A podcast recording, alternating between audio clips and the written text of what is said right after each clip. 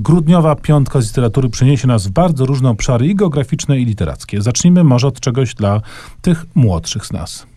Kolejna książka Marcina Szczygielskiego. To już jest żywy klasyk. Żywy klasyk e, obok Rafała Kosika, tak naprawdę jeden z niewielu autorów, który regularnie proponuje poważne pozycje dla nastoletniego czytelnika. Leo i Czerwony Automat. To jest coś na kształt dystopii. Główny bohater to chłopiec, który mm, jest dziwnego pochodzenia, bo jest chłopcem z in vitro. Jego mama jest e, starsza niż mamy chłopców w jego wieku bywają. Mieszka w mieście.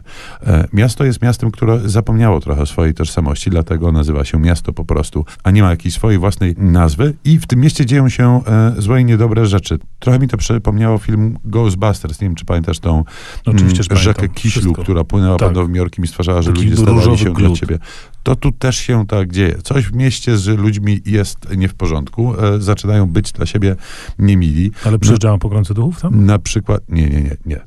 Na przykład jeden pan, który prowadzi sklepik z arabskimi łakociami, nagle ma ten sklepik obsmarowany jakimiś obraźliwymi napisami i musi uciec z sąsiedztwa. Leo z matką y, mieszka też na takim osiedlu, które lata świetności ma już za sobą i pojawia się kwestia dziwacznego, czerwonego, karmazynowego automatu, który jest konstruowany przez mieszkańców miasta.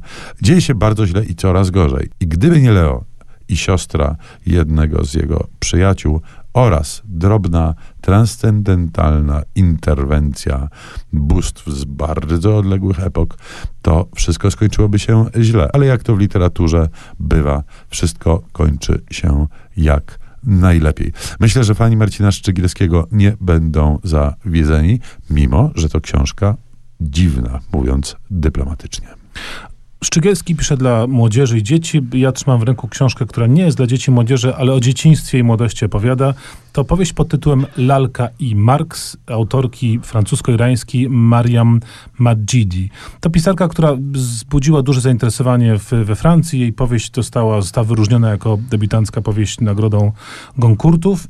Y, Lalka i Marx to jest historia, no, trochę takich rzeczy czyta- czytaliśmy, bo to jest opowieść o dorastaniu e, dziewczynki w Iranie, w Iranie, który już jest e, spętany rewolucją islamską, a rodzice są wielkimi zwolennikami marksizmu, stąd ten W tytule i na okładce.